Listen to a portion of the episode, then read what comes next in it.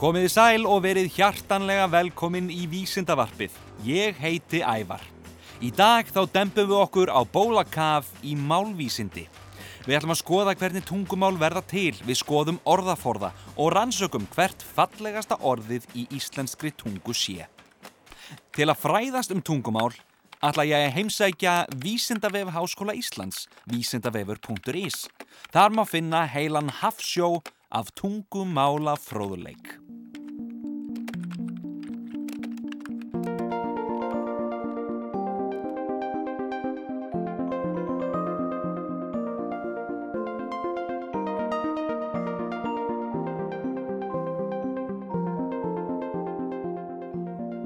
Hvaða tungumál er mest talað í öllum heiminum?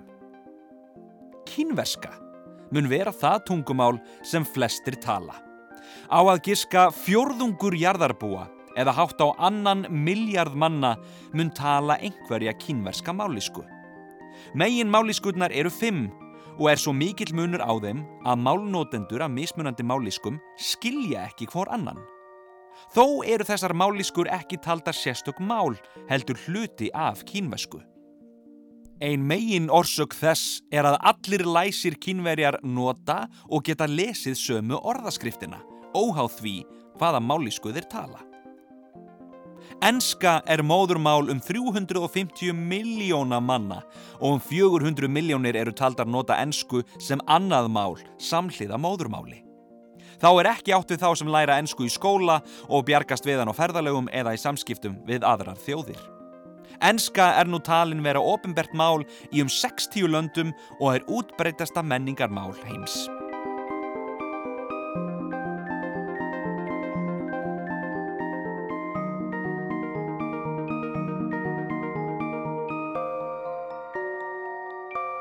Hvers vegna er ekki bara eitt tungumál í heiminum?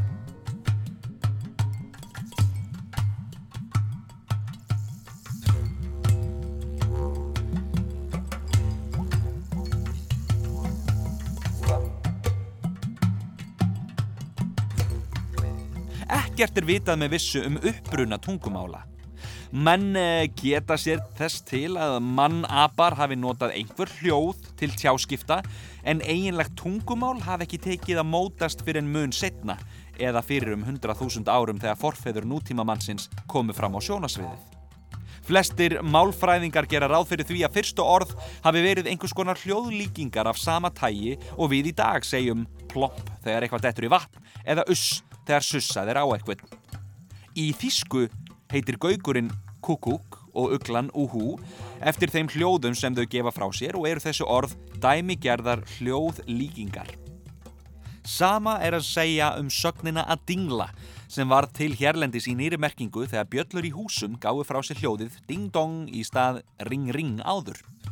Mart bendir til þess að forfeður nútímamannsins hafi lifað í einangruðum flokkum og er því líklegt að mismunandi hljóðtákn og síðar orð hafi tekið að mótast innan flokkana. Þegar menninni náðu smám saman hærra vitsmunastíi urðu málkerfi þjóðflokkana floknari og málfræðilega reglur mynduðust en ekki endilega hinnar sömu innan fjarlægra hópa. Þannig urðu á laungum tíma til mismunandi uppbyggðar málaættir og innan þeirra fjölmörg tungumál sem þróuðust ímist óháð hvert öðru eða fyrir áhrif hvert frá öðru. En hvaða tungumál tala fæstir? Vísindavefurinn segir að þessari spurningu er nánast ómögulegt að svara. Mörg tungumál eru lítið eða nánast ekkert rannsökuð og oft er ekki vitað hver málhafanir eru margir. Það er að segja hver margir nota tungumálið. Þetta á til dæmis við um ímis indjánamál í mið- og söður Ameríku. Vita er til þess að influensa lagði nær alla íbúa þorps í Venezuela að velli fyrir um 40 árum. Eftir livði um tugur manna sem talaði málið trúmæi. Því hefur verið haldið fram að daglega líði eitt tungumál undir lok í heiminum. Þetta er ef til vill orðum aukið en víst er að fámenningstungumál eiga víða erfitt uppdráttar og verða láta í minnipokan fyrir áhrif mála sem standa sterkar.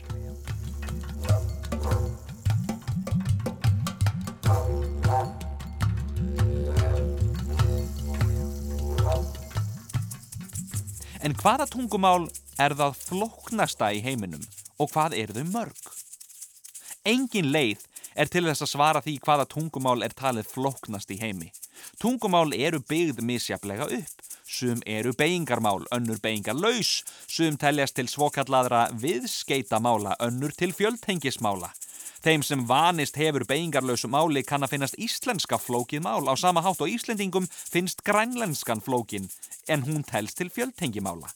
En fjarlægari mál, eins og til dæmis ímismál í Afríku, eru samansett af smelli hljóðum sem Evrópubúum eru til dæmis mjög framandi. Það er því afstætt hvað telst flókið og hvað ekki. Einnig er erfitt að svara því hversu mörg tungumálin eru. Í nýlegri bók eftir Baldur Ragnarsson, sem heitir Tungumál veraldar, eru þau talin um og yfir fjögur þúsund. Í íslensku alfræðibókinni eru tungumál heims talin á milli 2000 og 3000. Þessar mismunandi tölur ráðast að því hvað er kallað mál og hvað mállíska, en oft er þar mjótt á munum. Oftast er litið svo á að tvö tungumál tellist mállískur ef þau skiljast gagkvæmt en að um sérstök mál sé að ræða ef þau skiljast ekki gagkvæmt.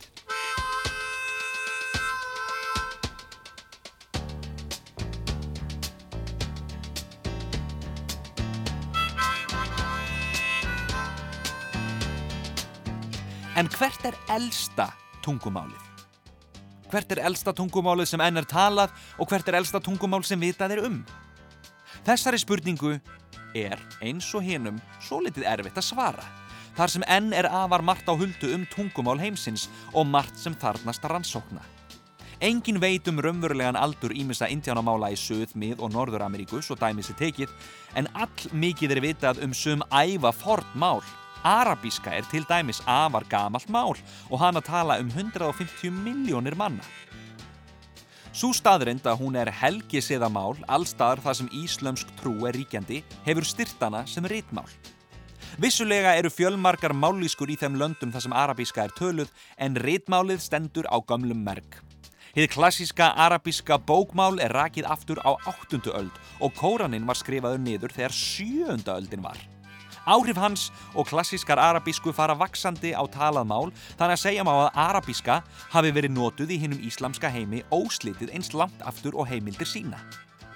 Útbreðsla kóransins og vaksandi lestrakunnáta almennings hefur styrt arabíst talmál verulega. Annað gamalt mál er hebreska. Forn hebreska var tölu frá nýjundu öld fyrir Krist og fram á þriðju öld eftir Krist. Hún helt velli sem trúmál gýringa en var endurist sem talmál á nítjöndu öld. Latína er enn eitt fort mál. Hún er hvergi töluð meðal almennings en klassísk latína lifir í kirkjuhaldi rómvesk-katholsku kirkjunar. Gott og vel. Þetta eru öll tungumál sem hafa þróast í aldana rás en er hægt að búa til tungumál sem allur heimurinn gæti svo talað.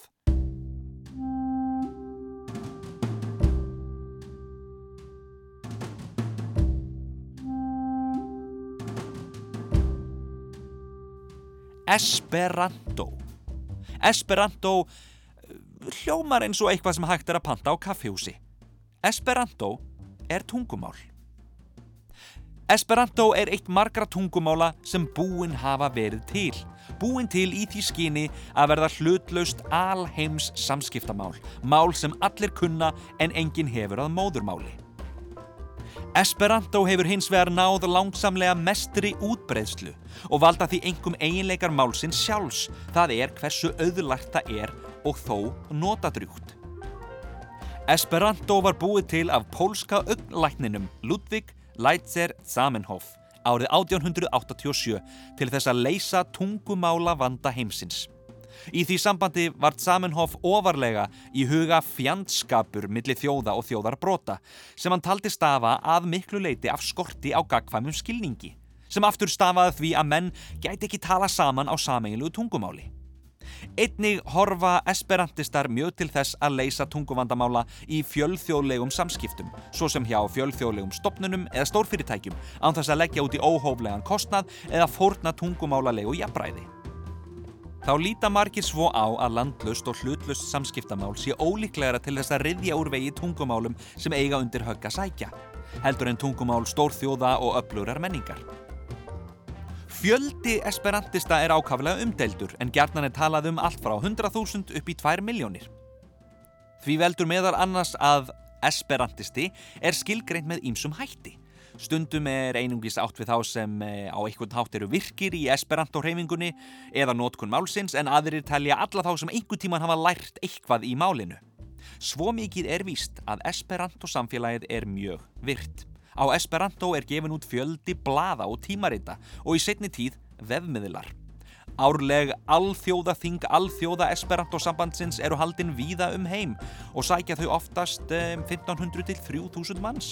Tæplega 6000 manns sóttu alþjóðaþingið í Varsjá á 100 ára ammali málsins árið 1987. Mikil fjöldi bóka er skrifaður á Esperanto og mun fleira þýtt. Til dæmis var Brennunjálsaga, Saga og Del Njál, gefin út á Esperanto árið 2003 í þýðingu Baldus Ragnarssonar.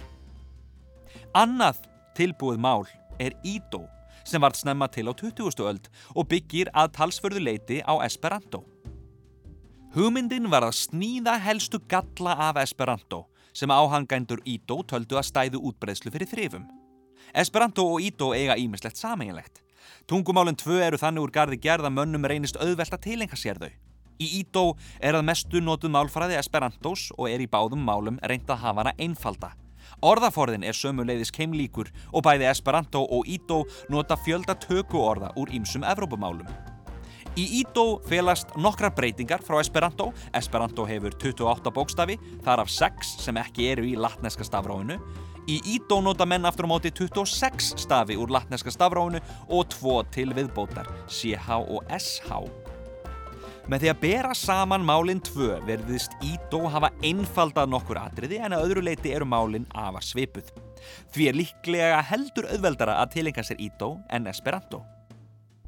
Fyrir þá sem vilja lesa meira til dæmis um Esperanto bendi ég á vefsíðuna esperanto.is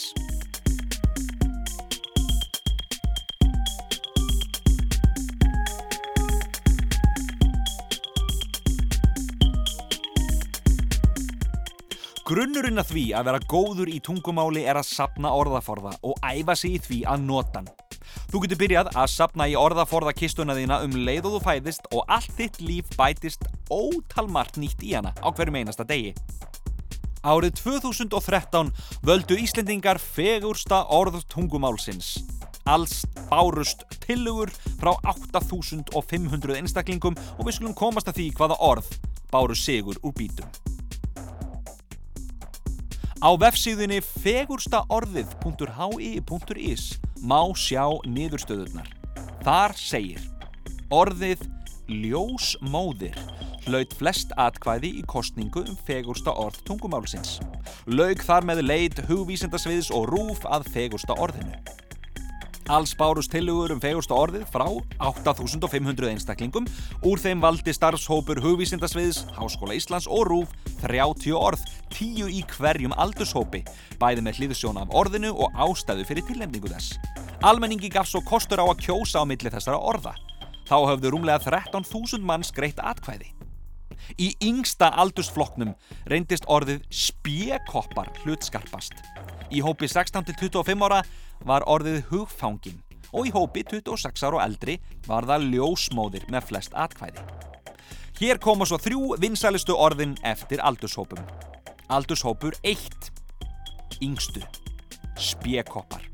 Og þá segir meðal annars spjekoppar eru fallegir, það er líka svo gaman að segja spjekoppar því það hljómar eitthvað svo förðulega. Næsta orð sem kom mjög stert inn í þessum flokki var orðið einstök. Allir verða ykkur tíman að fá hrós og fá að vita að manni þykir væntum þá. Mér finnst orðið einstök eða einstakur vera fullkomið hrós og hlýtt orð. Manni líður sjálfum svo vel þegar maður er búin að segja við einhvern annan þú ert einstakur. Hver og einn er einstakur, bara á sinn eigin hátt. Og þriðja orðið, mamma. Akkur finnst þér mamma fallegt? Jú, af því að þú ert mamma mín. Og mamman bráðnaði. Aldurshópur 2 hugfangin. Orðið merkir að vera heitlaður af einhverjum, maður er fangi í sínum eigin huga, þú ert gagtekinn af einhverju eða einhverjum. Mér finnst orðið mjög fallegt. Næsta orð, fyrringur. Alltaf þegar ég hugsa um fyrring, hugsa ég um eitthvað skemmtilegt. Þú fær fyrring í magan áður þú ferði í rússibana eða gerir eitthvað spennandi. Tilfinningin sem kemur er nánast ólýsanlega en samt virðist þetta orð lýsa því eins vel og hægt er. Nokkrar fjadrir í maganum á þér sem kýtla þig allan að innan. Hver fekk ekki fyrring í magan þegar maður kisti eitthvað í fyrsta skiptið? Og þriðja orðið, segla. Segla er í einu orði þrjóska, dugnaður og þólinnmæði. Óendanlega fallegt orð sem lýsir óbílandi krafti. Og að lokum þriðji aldurshópurinn, þeir elstu, í fyrsta sæti ljósmóðir. Tvö fallegustu hugtök veraldar sett í eitt. Í öðru sæti bergmál. Ég hugsaði aldrei um þetta orð fyrir en sænskur vinur minn sem skilur einni töluvert í íslensku bendi mér á að þetta orð væri svo undarlega fallegt. Tungumál fjallana. Bergmál.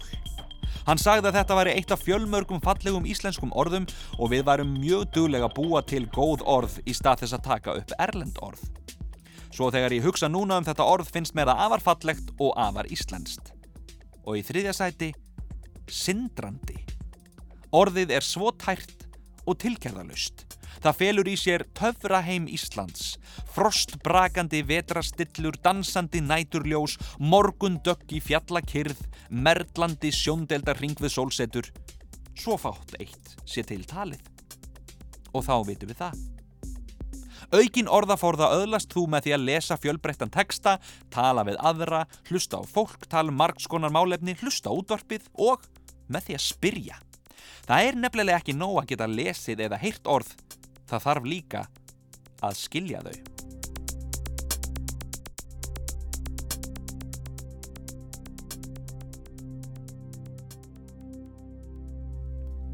Þættinum er lokið. Ég vil þakka Vísendavef Háskóla Íslands, vísendavefur.is og vefsíðunni fegustaorðið.hi.is.